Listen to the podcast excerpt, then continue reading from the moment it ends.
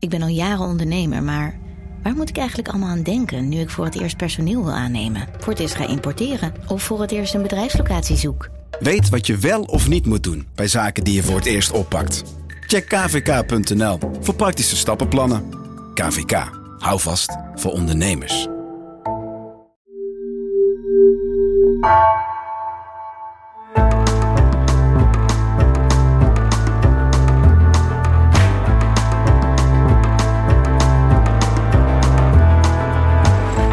Worden. De meeste mensen hebben het ooit gedaan, al heb je daar vermoedelijk geen actieve herinneringen aan.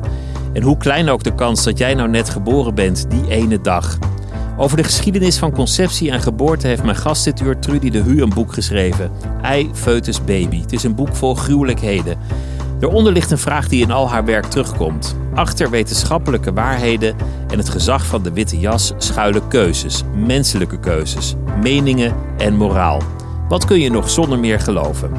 Na het lezen van het boek was ik ook een beetje blij dat ik niet als vrouw geboren ben. Welkom bij het uur met Trudy de Hu. Trudy de Hu, hartelijk welkom. Wat leuk dat je langs wilde komen. Dank je wel daarvoor. ik mocht. Ja, het is, het is heel wonderlijk om te gaan praten over conceptie en, en zwangerschap en geboorte. Want ik, ik heb daar natuurlijk helemaal geen ervaring mee, behalve geboren worden. Oh ja. Maar ja, daar heb ik dan geen herinneringen aan. Dat is eigenlijk ook wel zonde. Je wordt je één keer geboren en dan let je niet op. Dat is ook. eh, de, de, de kans dat je geboren wordt ook trouwens. Dat, dat, je, dat je vader ejaculeert in de buik van je moeder. En dan 60 miljoen zaadjes, dus de hele bevolking van Frankrijk. En dat net jij daar uitkomt. Ja. Die dag. ja, dat zeg jij zo, hè? Maar Elselijn Kingma heeft daar een prachtig artikel over geschreven. Wat, Oh ja? ik, wat ik ook citeer. Ja, dan werpt ze de vraag op: ehm, was jij ooit een onderdeel van je moeder? En daar heeft ze dan een heel artikel over. En op een gegeven moment zegt ze, dat vond ik heel helder. Nee, dat was je niet. Want jij was jij nog helemaal niet. Je bestond gewoon niet. Ja, jij, maar, ja, je bestond als een bevruchte eicel. Maar het is eh, heel gek te denken. En mensen doen dat vaak. Dan had ik zeker niet geboren mogen worden. Nee hoor, dat was jij helemaal niet. Je had ook nooit geweten dat je niet geboren was. Dus in die zin kan je die hele vergelijking opheffen. Iemand Ja. die niet weet dat hij geboren is of niet geboren is, die heeft er ook geen last Ja. van. Precies, en dat is zeker niet jij. jij. Nou ja, dat is een hele beweging in de VS. Die, daar heeft King het niet over, maar hij fascineert mij. Dat is de beweging van abortion survivors. En die abortion survivors, die wijten dan een handicap die ze hebben aan een mislukte poging tot abortus. En dan beklimmen ze podia en dan gaan ze roepen: I forgive you, mom. En, maar dan, daar zie je dus van. Ja, ten eerste weet je natuurlijk niet wat daar precies gebeurd is ooit. En, maar die gedachte van het, het was ik die jij hebt willen aborteren. Maar die ik, die ontstaat natuurlijk pas in de loop van een, van een kleuterleven. Dan word je pas wie je, wie je bent. Het is wel interessant, omdat abortus natuurlijk geen slachtoffer heeft dat je kan interviewen, aan het woord kan laten. Je kan wel een moeder die zegt spijt te hebben aan het woord laten. Ja. Als je het wil politiseren. Of, of hier iemand die bijna geaborteerd was. Die die kan je aan het woord laten, maar Ja. de geaborteerde vrucht, die, die zou je niet snel op CNN zien. Ja, een van de journalisten die mij geïnterviewd heeft, die vond ik wel fascinerend. Die zei, die zei, ja, toen ik werd geboren zat ik als het ware om het spiraaltje heen gevouwen. Kijk, een spiraaltje wiebelt een eicel los en inderdaad gebeurt het wel eens dat dat dan toch doorgaat, de zwangerschap. Als die dan toch doorzet. En Dat dan, hij toch kan hechten. Ja, en dan is dat spiraaltje bevindt zich nog ergens. Maar zij vertelde het lachend, ze had er helemaal geen last van. Maar ze zei wel, ik ben de jongste van een hele reeks. En eh, ja, mijn moeder had eigenlijk niet meer zwanger willen worden. Dus hier, zij is ook een soort abortion survivor. maar eigenlijk zei je iets anders. Je, je zei, eh, je kunt nooit een slachtoffer interviewen. Ehm, in de VS dus wel. Nu dus wel, ja. ja. Ik ben trouwens ook blij na het lezen van je boek dat, dat ik als, als man ter wereld ben gekomen. Ik ook. Dat ik, eh, nee, ik ben niet als man ter wereld gekomen. Maar je had gewild dat je. nou ja, ik, eh, ik dacht wel, eh, oh, wat, wat vreselijk. Tot en met de generatie van mijn moeder nog. Zo ontzettend zwaar, dat leven van die vrouwen. Dus ik was vooral de hele tijd blij dat ik... eh, ik ben van 51, dus dat ik pas laat geboren ben. In mijn geschiedenis gezien, in de geschiedenis die ik geschreven heb. Het gaat eigenlijk ook over de, de, ja, jouw generatie, de generatie van je moeder, van je grootouders en dan daarvoor. Dus, dus je, je kunt eigenlijk die, die gynaecologische geschiedenis dus gewoon naast je eigen geschiedenis leggen. Ja, dat is, dat is voor een deel is dat een, de, de, de truc van iemand die een boek schrijft. Hè? Want je, ik, ik dacht, ik moet dit wat concreter maken, want anders gaan mensen zwemmen in de geschiedenis. Dus dan kun je zeggen, nou, dit was de tijd waarin mijn grootmoeder leefde. En dat vond ik trouwens ook voor mezelf wel uh, iets om te beseffen. Hè? Deden ze dit soort experimenten met vrouwen en dan zonder hun te vragen? Oh jee, dat was mijn oma nog van 1890 die dit soort dingen heeft moeten zo, zo kort geleden dus ja. eigenlijk. Ja, nou ja, jonge mensen zullen, zullen het heel lang geleden vinden. Dat merk ik wel eens in de reacties. Nou, dat was al heel lang geleden. Ja, als je ja. zelf van 2005 bent, dan Ja, voelt dat precies, anders. dan- ja. ja. Ja, maar het wordt toch concreter als je het aan mensen illustreert die, die je nog gekend hebt. Dat, dat is eigenlijk, dat deed mij ook wel wat.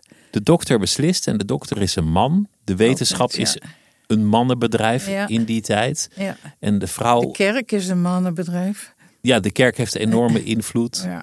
En de vrouwen ondergaan het allemaal. Het is, het, ik was zelf verrast over wat er zo allemaal uit die documenten naar boven kwam. En ik kon mij niet aan het gevoel onttrekken van, ja, vrouwen zijn heel lang werkelijk ge- gebruiksvoorwerpen geweest.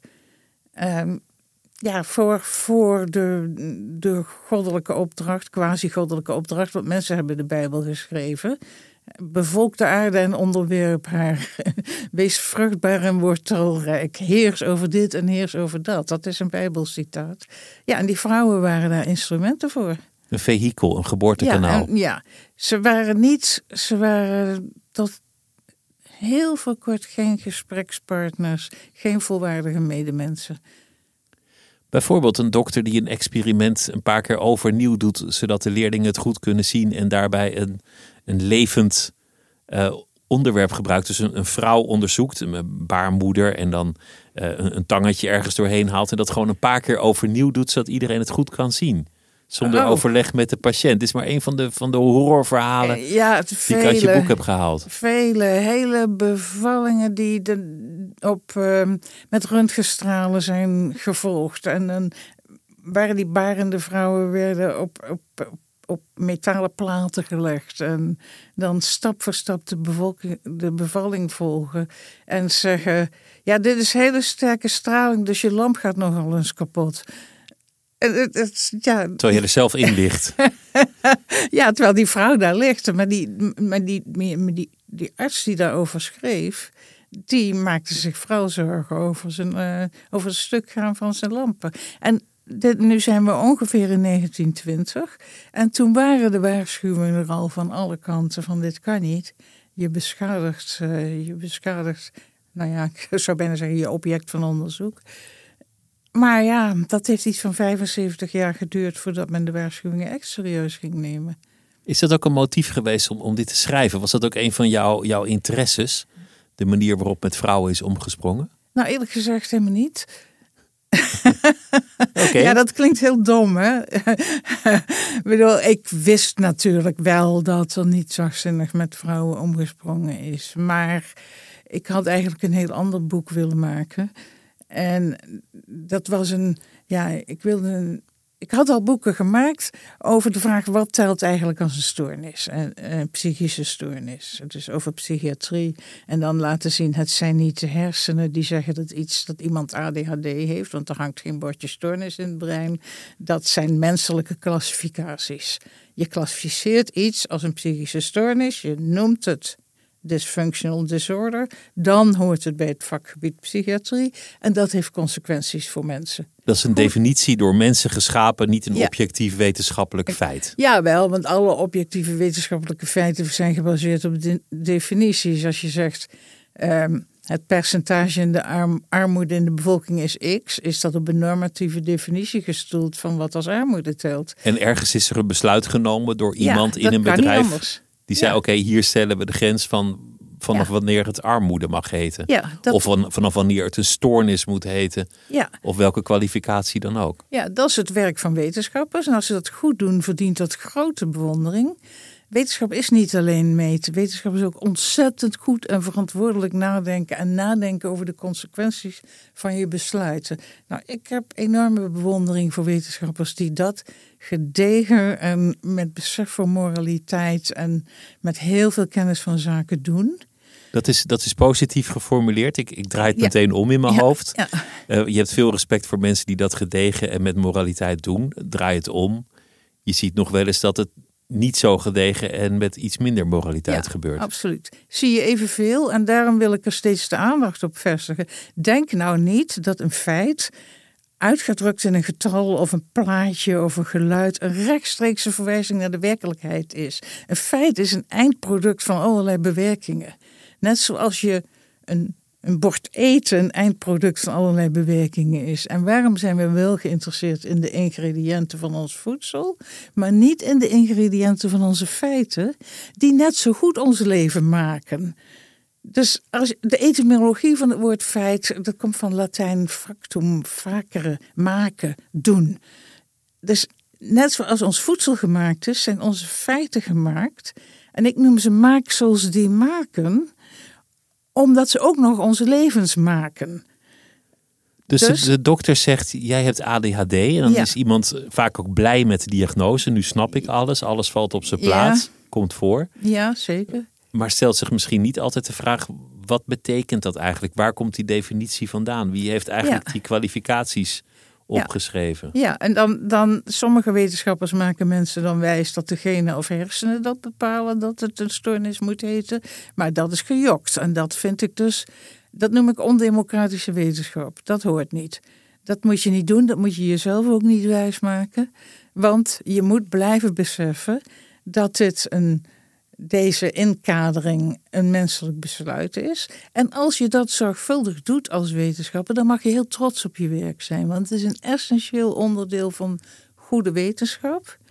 Eh, Daar heb ik de, het woord discursieve precisie voor bedacht. Want we letten alleen maar op statistische precisie.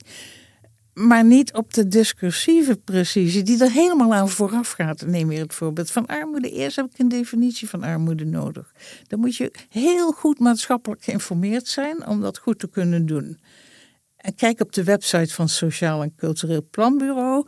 Die leggen de bevolking goed uit welke definitie van armoede in hun cijfers verstopt zit. En waarom ze die kiezen. En hoe ze die vervolgens in meetmethoden hebben omgezet.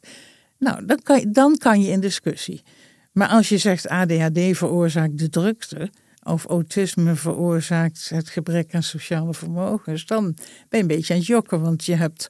Alsof dat een soort natuurgegeven is. Ja. Dat dat nou eenmaal Ja. altijd ADHD is als het daar in de hersenen zit. Ja, en ook in NRC Handelsblad kom ik elke keer weer artikelen tegen over verborgen autisme bij vrouwen die goed oogcontact maken, functioneren in een baan, maar wel ongelukkig zijn. En dan denk ik, ja, dat ongelukkig zijn, dat wil ik wel geloven.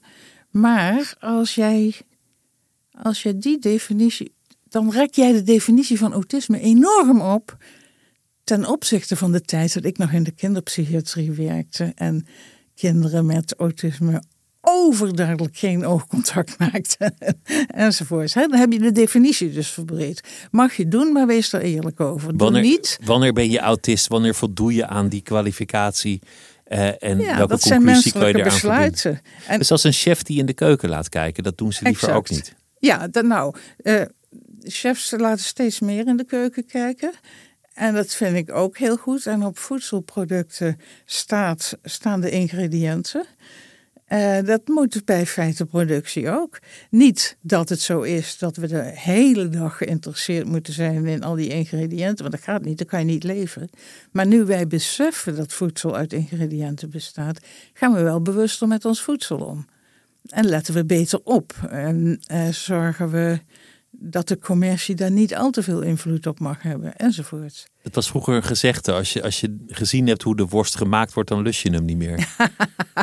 Ja, ofwel, hè? je Of juist dat wel. hij heel goed, je ziet dat hij heel goed eh, ik eet grotendeels vegetarisch, maar heel soms toch wel wat. Ik kom uit Groningen van de Waddenslager, die, eh, waarvan ik weet, waarvan ik de varkentjes heb ik gezien zelfs. ja. En dan weet je dat het goed zit. Ja. Maar je, je had een boek geschreven. eh, Ik, ik vroeg, was het ook een reden om, omdat je verontwaardigd was over wat Ja, vrouwen is waren we, aangedaan? ja. En toen, toen zei je, nee, het gaat mij echt om, om die kwalificaties. Dat, Die dat, dat is het thema, die klassificaties, ja. klassificaties. Die feiten als maaksels die maken. En we hadden het daarvoor over iemand die zei: Ik zat eh, in mijn jonge jaren als, eh, als embryootje om een, om een spiraaltje gevouwen. maar die, die had wel al het idee dat was ik. Ja, nee, is- ze lachte erbij. Ze was slim genoeg om dat te, te beseffen van niet. En je Dus- zei ook van je, het ik dat begint pas vanaf je vierde. Nou, nee, dat, dat is iets wat zich langzaam ontwikkelt. Maar eh, je, je hebt bijvoorbeeld, ik kwam een cartoon tegen van Re- op RefoWeb. eh, En die kan je bestellen als affi- affiche. En dan zie je een, een soort kleuter in een baarmoeder zitten. En die la- een tekstballonnetje erbij. En daar staat, als mijn vader mijn moeder verkracht heeft, waarom moet ik daar dan voor boeten? Dat is dus een anti-abortus... eh, dit is gruwelijk natuurlijk, dit is schandalig. Maar vooral dat woord ik ook. Hè? Het is al een pratend wezentje. En mijn vader en mijn moeder en een wezentje met een ik-besef. En ligt daar in Dus- de baarmoeder te balen van wat Ja. er aankomt. ja. Maar het is wel interessant. Wanneer begint ik? Wanneer, Ja. wanneer begint het leven? Wanneer begint Ehm, een mens? Dat is de, kern van de is- discussie. Ehm, ja, wanneer spreek je van een mensje? Dat is en van een ongeboren mensje. Eh, je raakt dan natuurlijk ook meteen de abortusthematiek. Maar ik wil eventjes nog een, stapje terug voordat we dit onderwerp weer oppakken. Want je, anders heb ik nog steeds je vraag niet beantwoord. Wilde je meteen al een boek gaan maken over onrecht ten aanzien van vrouwen? Wat ik wilde was een boek met korte hoofdstukjes. Waarin ik steeds laat zien dat wetenschap klassificaties ontwerpt. Dat daar feiten op worden gebaseerd. En die dan mensenlevens gaan bepalen. Dus dat we op een andere manier naar wetenschap moeten kijken. En ik wilde steeds proefsgewijs uit een heel mensenleven voorbeelden plukken. En ik had ook de definitie van dood in gedachten. Omdat wie telt als dood? Dat is veranderd door de orgaandonatie. Was hartdood van vroeger. Nu is het criterium hersendood. Dus wat telt als dood is ook al. En steeds met veranderende technologie veranderen die klassificaties. Wat dan weer grote invloed op mensenlevens heeft. Ik dacht, ik ga kleine hoofdstukjes maken waarin ik dat in een heel boek laat zien. En Dus dit, is eigenlijk gewoon maar het eerste deel van, van een hele lange reeks die nog moet ja, komen. Ja, ik weet niet of die nog ooit komt. Maar ja, toen begon ik dus voor de geboorte. Ik wou van voor de geboorte tot na de dood. Ik begon dapper aan voor de geboorte. En ik ben aan een draad gaan trekken die zo eh, ja, een verleden wat zo veelzijdig en, en veel kleur had. En dat dat het boek is geworden. En de grap is dat ook wat telt als dood komt in, en wat telt als leven komt in dat, bij dit onderwerp al helemaal aan bod. Wa- Wanneer krijgt, wanneer krijgt eh, eh, de foetus een ziel? Is, is een hele Ja. belangrijke vraag door de geschiedenis heen. Ja. Moet, je, moet je het kindje dopen als het Ja. gestorven is? En wanneer telt dat dan nog? En, en Ja. dat wordt vervolgens een praktijk met een soort spuit. Waar, waarbij de moeder soms ook gewond raakt. Om- Ja. Omdat ze alsnog in die buik een soort doop willen plegen. Ja, en sterker nog, de, de vrouwen werden ervoor opengesneden. Terwijl op geen enkele manier de keizersnede veilig was. En zeker niet als een priester het met ja, het is te vreselijk om te vertellen. Mensen zeggen: Ik wil dat boek niet lezen als ik het vertel. Maar ik kon het toch ook niet weglaten dat ik daarop gestuurd ben. Het idee was als volgt. Ehm, als een, een, zwangere vrouw was vaak stervend of ziek. Hè? Vooral in het verleden tijd was dat vaak zo. Eh, als men dan merkte dat ze zwanger was, had de katholieke kerk bedacht. Nou, daar, daar zit dan een zieltje in. En dat zieltje moet op het blote hoofdje gedoopt worden, want anders mag het kind de hemel niet in. Moet het in het voorgeborgte blijven, wat ellendig eeuwig voortbestaan is. Maar men had ook niet de mogelijkheid om goed in te schatten wanneer een zwangere vrouw echt overleden was.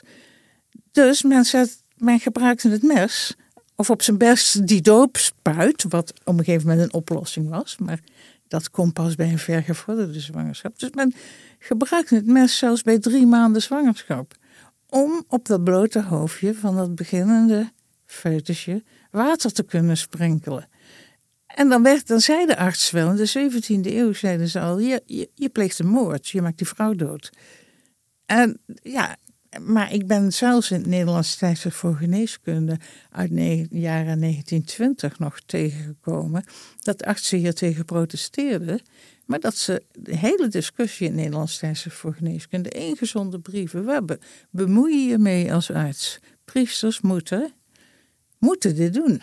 Dus de katholieke kerk bepaalde in dit geval de, de geneeskundige praktijk.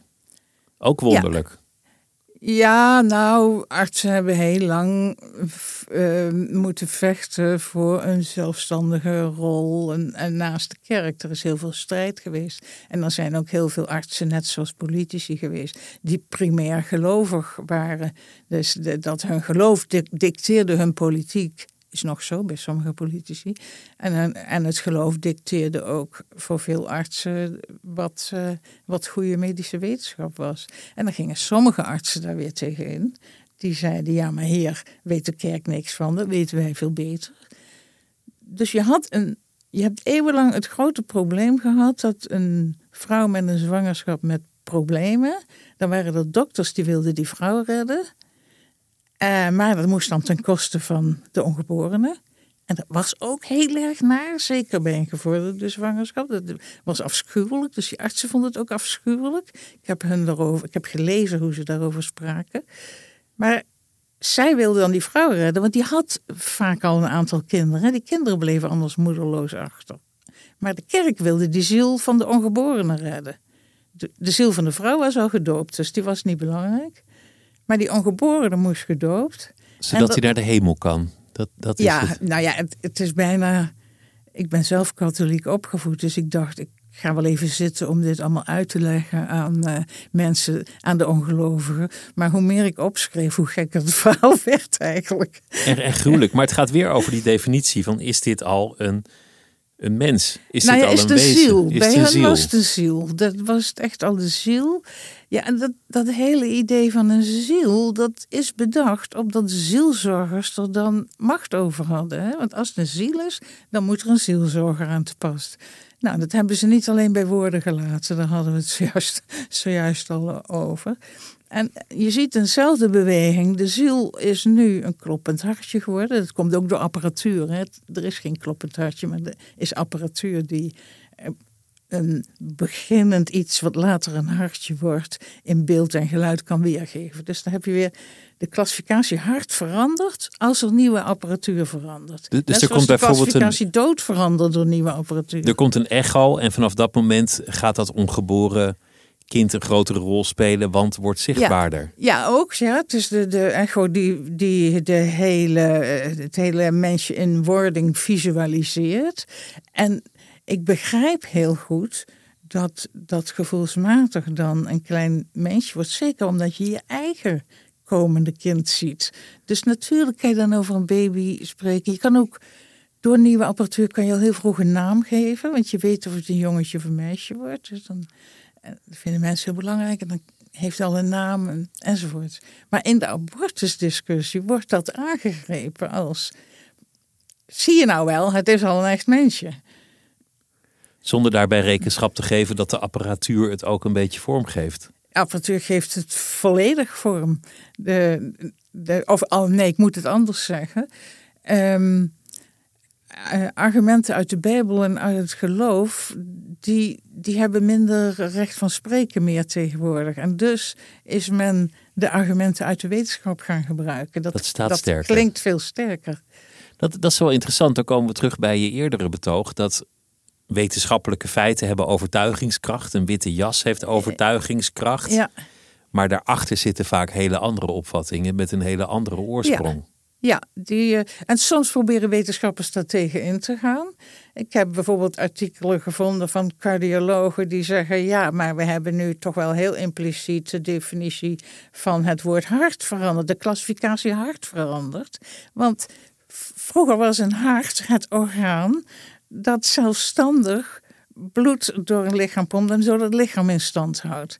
Maar zo'n prematuur hartje van een ongeborene of iets, een hartje in wording, in medische leerboeken staat, het lijkt nog vooral op dat van een vis. Want het heeft helemaal geen vier hartkamers. Dus dan verander je al, als je dat een hart noemt, verander je de klassificatie hart al. Als je dan ook nog over het kloppende hartje gaat hebben, wat een artefact is van hedendaagse eh, apparatuur, die ultrasone geluiden die wij niet kunnen horen, die apparatuur zet die om in hoorbaar geluid, dat is een vertaalslag, en zet het om in beeld. Maar dat, dat beeld en geluid verwijst niet rechtstreeks naar de werkelijkheid. Dat is een middel voor wetenschappers om met elkaar te kunnen communiceren. Net zoals dat hersenen niet, Ja, net zoals hersenen zijn niet gekleurd. Hè? Je zegt wel, de hersenen lichten op, lees je dan in de krant. Natuurlijk lichten die hersenen niet op. Dat, die kleurtjes in die hersenen, die brengen wetenschappers aan om hun berekeningen met elkaar te communiceren. en, en, en dat toont dan vervolgens van alles aan. Het zit in de hersenen, dus het is aangeboren, ja, dus het is ja, de natuur. Ja, dan gaat het los. Dan, eh, ja, en hier, en dit is dus een voorbeeld van... Uh, ja, dat, dan wordt dat, dan krijg je de, de heartbeat law in de Verenigde Staten. En er was een, een, democratische politica in Georgia recentelijk nog, die heeft hetzelfde gezegd als, als ik net zei: van ja, maar dit is een artefact van apparatuur. Nou, ze is zo ontzettend belaagd dat ze het heeft moeten intrekken. Die, die, werd gecanceld daardoor. Ja. Maar, maar, in Nederland is in de medische praktijk nog steeds uh, de norm levensvatbaar. Of het theoretisch buiten de baarmoeder zou kunnen overleven. En vanaf dat moment krijgt het bescherming. Nou, dat is door, uh, nou weet ik even niet hoe die commissie heet, maar de commissie die de abortuswetgeving doorlicht, heeft gezegd: ontkoppel dat.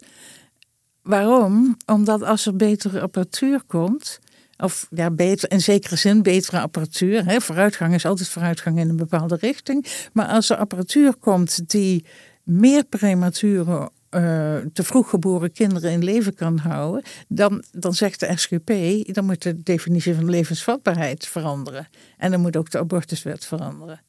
Dus dat is helemaal niet zo'n vaste definitie? Nee, ook zo'n definitie natuurlijk niet. Het hangt ook, dus steeds die levensvatbaarheid is ook een klassificatie. En steeds samen met nieuwe apparatuur veranderen die klassificaties. En dat is het punt wat mij boeit. En dan verandert het feit als maaksel als maaksel dat maakt. Want dat maakt ook mensenlevens weer. En daarachter zit een drang om controle te hebben over dat geboortekanaal. Om, om het vrouwenlichaam oh, te beheersen. Ja. Want de, de samenleving plant zich nou eenmaal voor, voort via het vehikel van, van de vrouw. Ja. Stel als gedachte. Of zwangere persoon, hè? De, zwangere mannen bestaan ook, ja. uh, volgens sommige definities, volgens sommige ja, kwalificaties. Maar, maar stel theoretisch dat er een, een pil zou komen die je gewoon zelf zou kunnen draaien een cocktail. Ja, ja. En, en dat je zelf helemaal zou kunnen bepalen of, of een vrucht loslaat of niet. Dus dat je zelf uh, een zwangerschap zou kunnen afbreken of beheersen of, of, of, wat dan ook. die is er al lang. Ja, maar is al sinds de jaren tachtig. In sommige gevallen heb je, heb je curettage nodig. Dus het is, het is niet helemaal 100% dat, dat het werkt. Maar wat ik eigenlijk bedoel is, wat als je het helemaal weg zou kunnen halen bij de dokter, bij de apotheker, bij de wetgever. En dat de vrouw het helemaal zelf zou kunnen doen. Ja, dat, dan heb je de situatie die vrouwen al sinds de oudheid nastreven. Um, het is de, de drang om een ongewenste bevruchting ongedaan te maken. Die, die is al zo oud dat je, ik noem het maar ergens een hele natuurlijke drang. Want het is, draai het eens even om. Denk eens even na dat je wil niet zwanger zijn, maar je bent wel bevrucht geraakt. En dan zeggen andere mensen, zet een is gelijkteken tussen bevruchting en bevalling. Dan gaat jouw lijf opzwellen, je tepels gaan pijn doen. Er groeit iets in je lijf wat je er absoluut niet wilt hebben. Nou, dat is een drama. Sommige vrouwen beschrijven dat als een langdurige verkrachting. En met de bevalling, die altijd pijnlijk en indrukwekkend is, daar nog eens on top of it. Dat soort beschrijvingen heb ik gezien. Nou, sinds de oudheid proberen vrouwen al de gekste dingen om dat niet te laten gebeuren. En zijn er sommige mannen die de gekste dingen doen om ze te dwingen tot. Hè, bevruchting is bevalling. Uh, ze te dwingen tot uitdragen en baren. Dat is bizar, dat is mensonterend. En dus hebben vrouwen altijd al naar eigen middelen gezorgd. Het heet ook helemaal geen abortus. Hè? Het woord abortus kwam pas rond 1880 op. het heet eh, eh, het opwekken van de menstruatie. Eh, wat Van de stonden. van de ma- maandstonden of zelfs maanstonden. Er waren ook geen zwangerschapstests. Hier heb je weer de technologie die de klassificatie verandert. Want wat telt als zwanger? Ja, dat hangt mede af van de zwangerschapstest die beschikbaar is. En opwekken van de menstruatie werd je niet voor vervolgd. Dat kon je zelf doen. Want vroeger was je niet zwanger, maar tegenwoordig pis je over zo'n buisje. Dan zie je zo'n zo'n rondje of zo'n streepje. En dan weet je, oh, nu ben ik zwanger. En dan heeft dat een soort geldigheid. Ja, dus vrouwen hebben in de 20e eeuw nog mm, eh, de NVSH of zelfs nog eh, in de kliniek kon je aan opwekken van de menstruatie doen. En er werd er geen zwangerschapstest bij gebruikt. Dus dat liet men in het midden. Toen waren er zwangerschapstests. Maar men, en de eerste, de eerste curetages was ook iets wat vrouwen zelf hadden bedacht. Was, kwam niet uit het medische circuit, deden vrouwen zelf. Met de Del M Menstruation Kit. Menstruation Kit, niet abortion kit. Eh, en dan zeiden ze ook tegen elkaar, geen zwangerschapstest. Want ja, het kan nu wel, je kan nu weten. Of, maar ja, wat weet je dan helemaal? Hè? Dat een zaadcel heeft die eicel bereikt. Wow, heilige zaadcel. en nu heb je tests die kunnen, daar kan je mee zien dat de zaadcel de, een eicel heeft bereikt, een zaadcel je eicel heeft bereikt, nog voordat zij samen zijn ingenesteld. En het fascinerende is dat op die test staat niet zaadcelalarm, er staat zwangerschapstest. Weer een verschuiving van de definitie. Ja, verschuiving van de definitie. En, een, en, en jij klassificeert dat als zwanger. Terwijl we al aan een spiraaltje gewend waren. Dat mocht nog los. de, de bevruchte eicel nog voorkomen dat die innestelt. Maar de, nu dat eindelijk, eindelijk medicamenteus kan. Op een veilige manier. Waarvan de Wereldgezondheidsorganisatie zegt: geef dat in godsnaam vrij. Want het is veilig, bevordert de autonomie. Maar ja, we noemen het abortuspil. En aan abortus kleef je dat hele zware. Want dat woord is ontstaan als abortus provocatus in het begin van de 20e eeuw. Dan sloeg het op gevorderde zwangerschappen, waarbij het leven van de vrouw bedreigd was. En artsen, artsen vochten ervoor dat abortus provocatus mocht, als het door hen werd gedaan. Maar, en, en dat moest dan gebeuren als de vrouw anders doodging aan de zwangerschap. Daar stamt het woord abortus provocatus van. Dat was de definitie. De, er zit vaak achter zo'n harde definitie of kwalificatie of zo'n zo'n zogenaamd objectief feit een, een drang om iets voor elkaar te krijgen, om Ja. te manipuleren, om, om een Ja. soort, soort wens tot uiting te brengen. Je, je zei dat je zelf werkte als, als jonge psycholoog in een, in een kliniek. Ik heb geen idee wat je, wat je precies deed. Ik had een HBO-opleiding, eh, die, die heette N20, een heel raar allegaatje. Kinderverzorging en opvoeding en handarbeid. En wat moest je dan doen de hele dag? Ik geloof dat ik in geen van de drie erg goed was, eerlijk gezegd. nou, ik werk, dat was wel heel bijzonder. Ik werkte in de kinderpsychiatrische kliniek van het Academisch Ziekenhuis Groningen. En daar werden kinderen opgenomen ter observatie drie maanden lang. Met echt forse problematiek. En, maar ik weet niet waarom je over dit onderwerp begon eigenlijk. Dan omdat ik zo benieuwd ben wa- wat in jouw leven de grote openbaring is geweest. Dat je dacht, goh, wetenschap lijkt zo hard, maar je moet eigenlijk veel zorgvuldiger kijken naar, naar de, de kwalificaties erachter. Oh ja, nee. Wanneer die motorkap voor jou open ging. Ja, ja, ja. Nee, dat was later eigenlijk door de toevallige opleiders die ik tegenkwam. En dat waren filosofisch geïnteresseerde psychologen en, en er waren ook filosofen. Ik ging filosofie erbij studeren. Dus dat, langzaam begon ik te begrijpen. Oh ja, die, een feit moet je niet zien als een rechtstreekse weerspiegeling van de werkelijkheid, maar als een. ehm, ik noem het ook wel eens als een samengebald argument. Het is het einde van een heel proces en dan komt er een uitkomst en dan krijg je dat als samengebald. Ik heb in mijn hoofd de vergelijking gemaakt met een bitterbal. Je, dat klinkt ordinair, maar dat bedoel ik niet. Kijk nou eens naar zo'n bitterbal als je op receptie staat. En ga je dan afvragen, hoe is dat ding tot stand gekomen? Nou, dan kom je bij weilanden met koeien, bij fabrieken, bij de papierindustrie, bij vrachtwagens, bij allerlei soorten werknemers. Dus al die voorbereidende proces en dan dat samengebalde ding. Nou, En hij ziet eruit als een natuurproduct. Alsof, Ja. hij, alsof hij aan een boom zou groeien. alsof je ergens een plantage hebt van bitterballen. Die, die je ja. koud kunt oogsten. Ja, mijn vrienden die in de appelteelt zijn gegaan, die leren mij dat het zelfs niet voor appels geldt. Dat is zo ingewikkeld. En dan hoeven zij niet eens al het werk te doen, want de, de genetica van de pomologie die is al lang voor, aan hun vooruit gegaan. Maar er zit dus onbeschrijfelijk veel menselijke arbeid aan die appels die daar aan de bomen hangen. zijn ook eindproducten van allerlei bewerkingen. En dat is je vak geworden. Of, Dat- dat, is mijn eigenlijk fascinatie. Je, je oeuvre. Maar Ja. je, je, je, grote bestseller was, na je proefschrift had je de depressie-epidemie. Ja, dat jij dat weet, ja. En daarna heb je een, een, groot boek geschreven dat ging over, over ziekte meer in algemene zin. Over de DSM onder meer en over diagnoses. ja. En steeds En- komt dat thema terug van... Wat zijn nou eigenlijk die feiten die er aan ten grondslag liggen? Ja, omdat er in mijn ogen grote onrechtvaardigheid ehm, ontstaat. Ehm, bij, in het laatste boek, Even dus Baby, heb ik de vergelijking gemaakt met, eh, met eh, slavernij. Je kunt zeggen, oh wat prachtig, die hele mooie grachtenpanden hier in Amsterdam en al die kunst en zo. Maar als je gaat zeggen, wat zijn de ingrediënten van, van deze dingen die zijn ontstaan? En je gaat echt goed kijken, dan kom je bij slavernij uit. Je kunt zeggen, oh wat mooi, zeggen van ja, we weten van de ovulatie en hoe lang de zwangerschap duurt. En we hebben heel veel kennis, hè, dus we bewonderen wat er daar, oh die, die plaatjes van de inhoud van de zwangere buik. En we zeggen nooit, hoe zijn die eigenlijk tot stand gekomen? En toen begon ik dat wel mij af te vragen, omdat ik zo'n klein hoofdstukje voor mijn boek wou maken. En toen ontdekte ik hoe naïef ik zelf eigenlijk heel lang was geweest.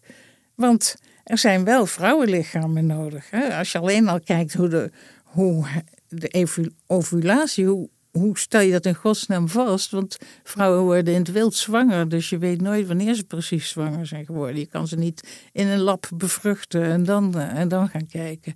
Bovendien kan je niet zomaar door dat lichaam heen kijken. Dus hoe, Wat is eigenlijk de bron van alle kennis over dat onderwerp? wat, is daar, wat, is, wat zijn de ingrediënten van die feiten die wij zo voor lief nemen? Die, waarvan wij zeggen, dank u wel, goh, interessant. Hoe zijn die tot stand gekomen? Ja.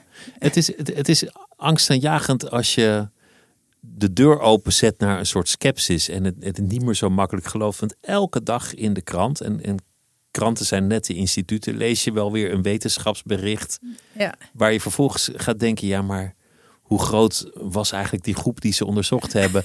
Hoe hard zijn eigenlijk die statistieken? Ehm, wat zijn eigenlijk de definities die eraan ten grondslag liggen? En het wordt dan samengevat tot, tot een klein berichtje: pindakaas is goed voor het hart. Nou, ik vind dat, dat nu hier toch in het gebouw van de NRC zit, dat de wetenschapsbijlage echt steeds beter is geworden de afgelopen jaren. dat is uitstekend. Je- daar werken, daar Ja. werken fantastische ja, maar mensen. Omdat, juist omdat er wel de ingrediënten van de feiten worden besproken. Juist wel. En dan kan je meer bewondering krijgen voor wetenschap. Net zoals je. Je doet een kok eer aan als je luistert naar het verhaal. Hè. Dat, dat kunnen ze dan zo zeggen. En dat ingrediënt komt daar vandaan en dat komt daar vandaan. Als jij daar niet naar wil luisteren en je vreet het maar gewoon op, dan beledig je de kok. En je kunt een goede wetenschapper, als je die juist vraagt van hoe ben je hiertoe gekomen. Wetenschappers horen trots te kunnen zijn op wat ze gemaakt hebben. En dus- met liefde die deur open te zetten en te zeggen: Kijk, Kijk hier zijn mijn statistieken. Ja, Dit is maar. mijn methode. Schiet Ja. raak als je kritiek hebt. Ehm, ja, nou, soms is, eh, is kritiek eh, ook goed. Ik denk aan de boeren en het stikstofbeleid. Soms zijn die boeren ook volslagen onredelijk. Maar ze mogen wel vragen, hoe heb je dat dan gemeten? Maar dat is toch de kern van de wetenschap? Dat is toch de essentie dat iemand probeert jouw theorie omver te schieten met, met andere gedachten en feiten. Ja, dat is, je- dat is de hele essentie van het bedrijf. Maar dan ook dat je achter je theorie kunt gaan staan. Daar moet je voor zorgen. En dan moet je de tijd voor krijgen. Dus er moet niet een enorme publicatiedruk zijn, zodat je alleen maar oude gewoontes kunt volgen en rommelige definities gebruiken die iedereen gebruikt. Nee, je moet trots kunnen zijn op wat je maakt en erachter kunnen gaan staan. Net, kom maar weer met die koks. Net zoals je trots kunt zijn op deugdelijk voedsel wat je voor mensen bereidt. Dus dit is helemaal geen ondergraving van de wetenschap. Dit is juist eh, enerzijds meer bewondering voor wetenschap creëren. En anderzijds meer verantwoordelijkheid neerleggen bij wetenschappers en bij beleidsmakers van uh, geef mensen daar dan ook de ruimte voor. Maar er is, er is ook een drang om wetenschap toepasbaar te maken.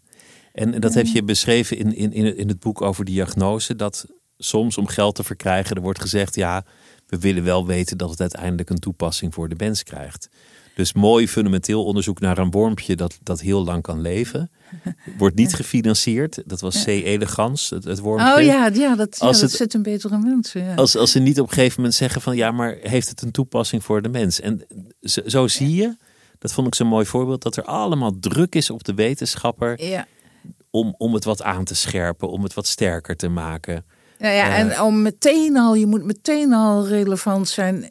Ik denk dat een deel van de verklaring voor de enorme toename van mensen met een psychiatrische diagnose is ook dat er die fMRI-apparaten kwamen waarmee je hersenen kon scannen. Maar daar wilden mensen, wetenschappers graag mee aan de slag. Maar ze moesten wel acuut zeggen waarvoor dat nuttig was. Nou, dan gaan wij wel stoornissen genezen.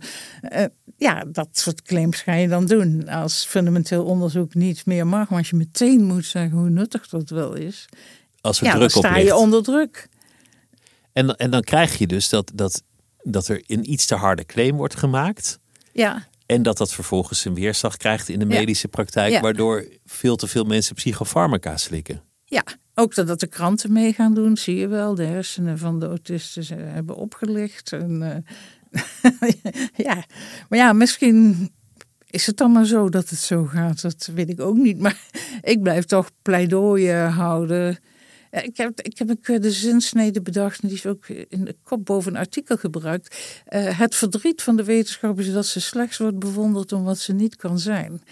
Dat verwijst ook een beetje naar vrouwen. Het verdriet van vrouwen is dat ze slechts worden bewonderd om wat ze niet kunnen zijn, namelijk maagd en hoer tegelijk. Dat lukt niet. En het verdriet van de wetenschap is ook dat ze slechts wordt bewonderd om wat ze niet kan zijn. Want ik hoorde jou net ook zo ongeveer zeggen van. Uh, ja, dus, dus wetenschap is helemaal niet zo objectief of zo, zeggen mensen dan. Ja, maar je, je stelt de verkeerde eis. Dat, dat hoeft het ook niet te zijn. Nee, dat hoeft niet. Want... Ze hoeven niet met de definitieve waarheid te komen zoals Mozes van den Berg kwam gerold met jongens, zo zit het. Nou, we hebben gezien, eh, zeg ik nu met Karl Popper, wat er gebeurt met de wereld als mensen definitieve waarheden claimen. Popper zei al, in naam van de zekerheid is er meer ongeluk aangericht dan in naam van de onzekerheid toch wordt wetenschap daar wel, wel vaak voor gebruikt. Ja, het verdriet van de wetenschap is. ja, want eh, tijdens corona dan, dan, was bijvoorbeeld het aantal coronadoden. Toen ontstond er discussie over de definitie van een coronadode. Ja, heel goed. Is er iemand gestorven in het ziekenhuis die toevallig ook corona had, maar daar lag met een andere aandoening? Ja. Of is die gestorven aan corona? Maakt nogal verschil.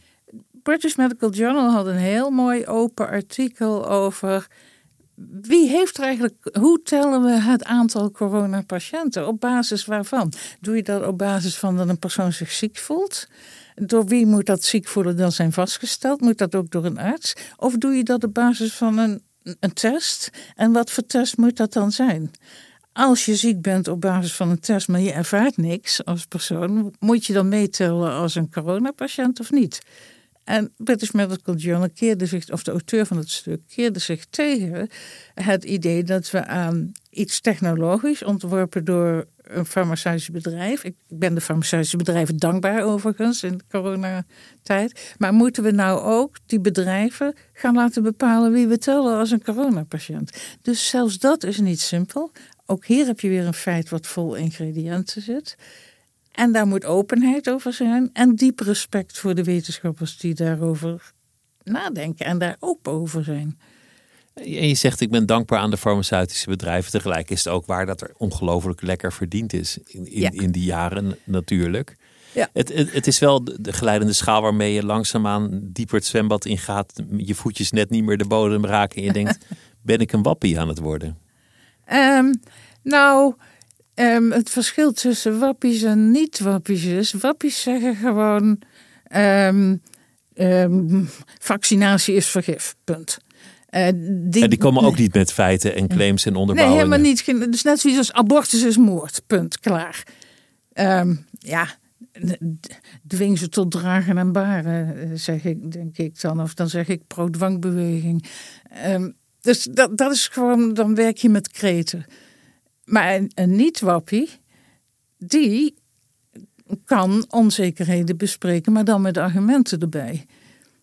En zo bezien lopen er aan de universiteiten ook wappies rond, want die geven nooit argumenten. Die zeggen gewoon A is B, punt. Schrijf nou maar op en vul dit in ja, de tentamen en dan reken ik het goed. Zo wordt er heel veel met studenten omgegaan ook. Studenten zijn eigenlijk net vies als het grote publiek. Als studenten alleen maar handboeken met slotconclusies uit hun hoofd moeten leren.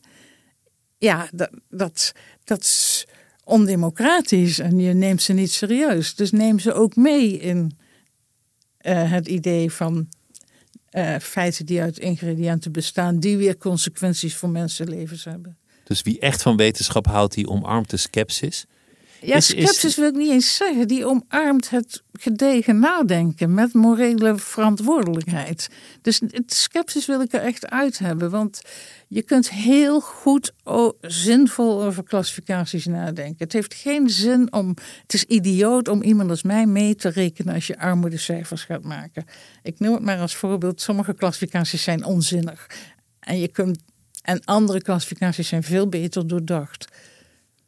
Dat is, dat is gewoon een gezonde discussie. Heb, heb, je, heb je veel kritiek gekregen van bijvoorbeeld psychiaters? Destijds, toen, toen het ging over de depressie-epidemie. Destijds wel, ja. Dat uh, de, ja, nou ja, maar, ja, het was hele gekke kritiek. Ze hadden het boek werkelijk niet opengemaakt. Uh, op de eerste pagina al staat: Ik weet dat mensen diep ongelukkig kunnen zijn. En daar kunnen we zeker het woord voor depressie voor gebruiken enzovoort. Maar goed, als je depressie gebruikt, dan frame je het ongeluk ook meteen als iets psychiatrisch. En mensen kunnen door heel veel oorzaken ongelukkig zijn. Enzovoort. Nou, zo opent het boek al. Je kan ook reden hebben om ongelukkig te zijn. Ja, ja, reden genoeg. Is het dan iets medisch of heb je gewoon een, een ongelukkig leven op dat moment? Ja, en dan niet gewoon. Maar ja, als je gaat zeggen, die mensen die nu bij Ter Apel buiten moeten slapen, die krijgen te weinig depressiebehandeling. Ik zou zeggen, ze krijgen te weinig tenten, te weinig plek voor een beetje een leven. Maar goed, dat is toen, maar dat was toen, toen was Nederland nog erg onfilosofisch. Dat heeft toen heel onder, onder hoogleraren psychiatrie vooral heel veel weerstand opgeroepen. Ja die, die voelde zich toch aangetast of, of uh, aangevallen? dat echt niet nodig was. Eerlijk gezegd, ik had boosheid vanuit de politiek verwacht, niet vanuit de beroepsgroep. En die kwam niet vanuit de politiek? Nee, nee, vanuit de politiek kwam niks. Kan kritiek je dan deren? Of denk je, nee, ik heb mijn onderzoek goed gedaan, ik, ik sta sterk? Mm, het, het, is heel vervelend, want ik, om elke keer verkeerd weergegeven te worden. ik, ik hoor het nu nog steeds via via dat er wordt gezegd: ja, dat is die vrouw die depressie ontkent. Nog steeds. Studenten zijn daarmee opgeleid. Die, die zijn nu zelf psychiater. Exact wat niet in het boek staat, wordt dan de samenvatting. Ja, het staat er helemaal niet in, maar dat, uh, ja. Maar goed, ja, dat blijft hangen. En dat is vervelend. Maar ik weet tegelijk, ik kijk dan naar politici die daar de hele tijd mee moeten dealen. En dan denk ik, nou, Weet je, dan heb ik bewondering voor hun. dat ze, dat ze, hoe, hoe sterk ze dan blijven staan. Je hebt ooit in een interview iets gezegd dat me altijd is bijgebleven, waar, waar, ik, waar ik heel vaak aan terugdenk. Je zei iets in de trant van alles komt met een prijs in het leven. Voor alles wat je krijgt lever je weer iets in en voor alles wat je inlevert komt er uiteindelijk wel weer iets terug. Er bestaat een soort balans. Ik, oh, nou, ik, ik, wist niet dat ik zo'n evenwichtig mens was eigenlijk. Eerlijk gezegd. Ik vond, ik vond, het een heel realistisch citaat. Ja, het lijkt, mij, het lijkt mij wel te kloppen. Maar als je mij had gezegd dat het van iemand anders kwam, dan had, ik, had je het ook geloofd. ja, dan zou ik denken, oh ja, dan moet ik in mijn oren knopen. het, het, het, ging in, in de, het geboorteboek ging het ook over de generaties. Als, als je kijkt naar het vertrouwen in de wetenschap, dan, dan is dat ook een soort reis die je tijdens jouw leven hebt meegemaakt van de van, van de antipsychiatrie van de jaren 70 naar het vol omarmen en het biologisch maken in de jaren 90 en 2000. Ja. En, dan, en dan nu een tijd waarin alles lijkt te wankelen. Ja, zeg je, lijkt, wat bedoel je met alles wankelen? Bedoel je dan vooral als het om psychiatrie gaat? Of bedoel Nou, je in de hele samenleving? In de samenleving bedoel ik. Dus Ja. niet, niet in de wetenschap, Mhm. dat, dat staat allemaal ferm overeind. Maar, Ja. maar daarbuiten eh, zeggen mensen steeds vaker... Mhm. ach, ik heb andere bronnen, ach, ik heb mijn eigen mening. Ja, Ach, volgens mij Ja. zit het anders. ik weet niet precies waar dat aan ligt. Ik weet wel dat toen ik mijn HBO-opleiding deed, toen werd mij verteld dat ik, moest ik ook voor klassen moest ik lesgeven, werd mij verteld dat ik die leerlingen altijd moest zeggen: Nou, je moet een mening hebben, kom eens met je mening. En toen dacht ik al, ja, maar een mening, dat kan toch niet zomaar? Je moet toch argumenten hebben voor een mening? Je kan er niet zomaar met een mening komen. Nou, je ziet dat dat wel zo zich heeft ontwikkeld. Mensen roepen gewoon, nou, dat is mijn mening, punt. Einde gesprek. Ehm, En ook echt einde gesprek. En dat is het jammere. ja, en dat is, ja, als, argumenten niet meer tellen, dan, dan gooien mensen alleen maar deuren dicht. Of gaan ze elkaar op elkaars kop slaan. Maar tegelijkertijd, en dat vind ik een grote lastigheid, dat breng ik ook tegen mezelf in en tegen mijn eigen werk. Het is niet voor iedereen even gemakkelijk om al die argumenten te volgen. En dus ik doe een erg beroep op, eh, op de cognitieve vermogens. Maar ja, daar denk ik mezelf dan maar uit door te denken. ehm degene die daarin het beste zijn, die moeten daarin de grootste verantwoordelijkheid dragen.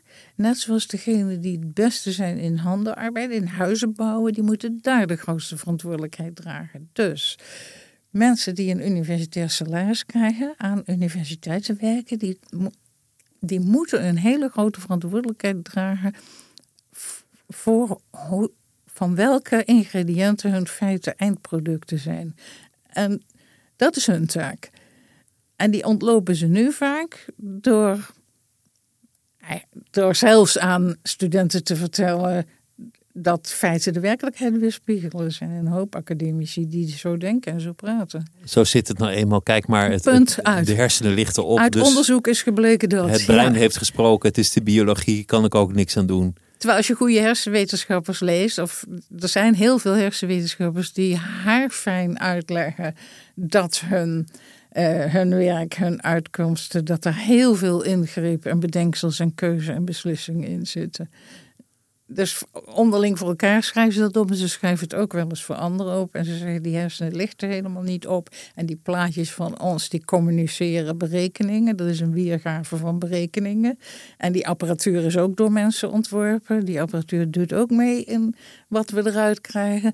Dus dat, dat vind ik eerlijke wetenschap. En ik zou vinden dat zo een echt wetenschappelijke opleiding ook in elkaar moet zitten. Dat je dat gedegen meekrijgt. Gebeurt natuurlijk ook op veel plekken. Maar het is natuurlijk ook zo dat de wetenschap over sommige dingen geen uitspraak kan doen, omdat ze er niet over gaan. Wat, Ja. wat, wat is rechtvaardig? Wat is een goed leven? Wat is Ah, ja. leuk? Wat, wat is jouw leven? Waarin ben jij wie je wil zijn en waarin niet? Dat zijn, dat zijn allemaal uitspraken die volgens mij buiten het terrein van, van de rationaliteit komen. Ehm, ja, het is ook maar wat je, hoe je de wetenschap definieert. Hè? Ik vind rechten bijvoorbeeld wel een wetenschap als het, als het goed gebeurt. de studie van het recht. Maar Ja, dat is toch iets anders dan rechtvaardigheid? Ja, maar bijvoorbeeld als je de abortuswetgeving bekijkt, dan bewonder ik dat, omdat daar wel heel diep wordt nagedacht wat telt eigenlijk als zwanger. Althans, nee, ik moet zeggen, ik bewonder dat als daar wel heel goed wordt nagedacht. En dat gebeurt ook vaak. Dus dan denk ik, oh ja, wat prachtig gewoon. Hoe, te- hoe gedegen. Hoe goed je kan nadenken, hoe goed je Ja, dat debat kan voeren. Ja, en je ziet, eh, je ziet juristen ook, wat telt als moord? Dat is ook een hele ingewikkelde. Dat is veel ingewikkelder dan je denkt. De- de Wat is moord? Is dat ingewikkeld? Ja, ja, ja. De, de Hoge Raad heeft ooit eh, de definitie van moord versoepeld. En dan was het, wanneer is het doodslag en wanneer is het moord? En toen kwamen er minder veroordelingen wegens moord. Dus dat is allemaal heel verantwoordelijk werk. En dat gebeurt in het besef dat klassificaties hebben consequenties. Is, is het ook een afrekening met je katholieke opvoeding? Dat, dat, je, dat je de, de, de ratio omarmt en dat, dat, dat je graag eh, ja, wil zien wat er achter al die gedachten zit? Ik, ik weet dat mijn opvoeding was niet zo zwaar katholiek, want mijn vader hield een heleboel als straal voor de gek toen ik klein was. Dat bracht mij in grote moeilijkheden, want ik deed dat op school dan ook. Want ik dacht dat je dan leuk was, maar dat vonden ze, vonden ze op school niet. um, nee, dat enorme denkerige van mij, als ik het dan moet psychologiseren, dan denk ik dat het is ontstaan doordat mijn ouders alle situaties altijd zo verschillend zagen. Dan was ik als kind bij geweest en was er iets gebeurd. En dan had paar versie A en dan had maar versie B. En nu waren alle twee totaal verschillend. Zoals ik als kind stond te kijken. Dus jij leerde al jong van waarheid is niet zo'n heel vast gegeven. Uh, ja, dat je, als iemand zei het zit zo, dat je dan heel goed moet gaan nadenken. Ik vind het ook een soort beschavingsideaal. Ja. Dat je, dat, het, een manier van converseren. Dat, je, dat je zegt, oké, ik denk dit om die reden. Ik ben er zo gekomen. Ja. Dat zit zo in elkaar. En dan kan die ander zeggen, oké, ik snap hoe jij er bent gekomen. Nu laat ik jou zien hoe ik er ben gekomen. En ik ben blij dat je zegt die ander, want die ander moet daar ook toe bereid zijn. Die moet dan niet gaan zeggen, nou zie je nou wel dat je niet objectief bent en dat het waardeloos is wat je zegt. Het is net zoiets als wanneer een rechter zijn of haar oordeel zou motiveren, dat die ander dan zegt, zie je wel dat je niet uh, objectief bent, want je hebt allemaal overwegingen. Dus dat verwijt van, oh dus wetenschap is niet objectief, dan denk ik, oeh nee, dit is niet wat ik heb verteld. Bij mijn lezing maak ik nu een laatste slide. Betekent het, wetenschap is dus niet objectief? Nee, staat er dan Dit is juist wetenschap, dat je het onderbouwt. Uh, ja, en, en, het woord van objectief als objectief moet betekenen weerspiegelt rechtstreeks de werkelijkheid. Nee, dan is het niet, niet objectief, maar dat is ook een onzinnige eis. Dus net zoiets als zeggen, Sinterklaas heeft helemaal geen echte baard en daar dan boos over zijn. Dus nou, daar, zou, daar zou ik nog steeds boos over kunnen worden. Nou, die waard ze met een elastiekje aan de oren. Komt, komt, komt dat, dat, dat boek over de kindertijd er dan nog? Ei, foetus, baby en dan, dan, en dan door naar de, de, ja, de kindertijd. Ja, van alles. Hè? Schooltype, de praktisch geschoold, hoog of lage school. Dat soort uh, klassificaties kun je doen. Dat, dat weet ik niet. Ik, uh, ik, ik ga schrijven als er aandrang komt. maar ik heb dat de laatste keer wel in zekere zin bezuurd. Want ik zei, ik ga nooit meer een boek schrijven. En vervolgens heb ik vijf jaar alleen maar zitten schrijven. Dus, maar ja, Gods water over Gods akker. Als, als God me op een gegeven moment weer op de bureaustoel plant, dan is het zover. Maar, en als, die aandrang er komt. Ja. ja, ik ben of, niet gelovig, dat zal duidelijk zijn. Ik, ik zeg Gods water, ik, Gods water over Gods akker. Gewoon, als het gebeurt, gebeurt het. En gebeurt niet, dan niet. Ik zie wel. Of meteen, meteen door naar dood. Dan, ja, dat, nou misschien wel. Want ik had het hersendoodprotocol gelezen van de commissie die het laatste protocol heeft samengesteld. En zo begon dat denken over een nieuw boek. Want ik was zo onder de indruk van die mensen, van de zorgvuldigheid en ook van de complexiteit van hun onderwerp. En dat er dan zo'n commissie bij elkaar gaat zitten en heel erg diep nadenkt. En dan, Over de vraag wanneer ben je wanneer, dood? Wanneer mag je constateren als arts dat iemand hersendood is? En ja, dan, dan word ik. Ja, het is gek om in dit verband te zeggen, dan word ik blij van. Maar ik word blij van zorgvuldigheid en van verantwoordelijkheidsgevoel. Mooi is dat. Ja. Dank je wel dat je langs wilde komen. Het was Ja, groot genoegen om met je te praten. Dank je. Dank. En dat was het uur voor deze week. En eh, volgende week dan is er weer een uur. Het uur wordt gemaakt door Mira Zeehandelaar. Productie en techniek Sjanne Geerke. En mijn naam is Pieter van der Wielen. Tot volgende week.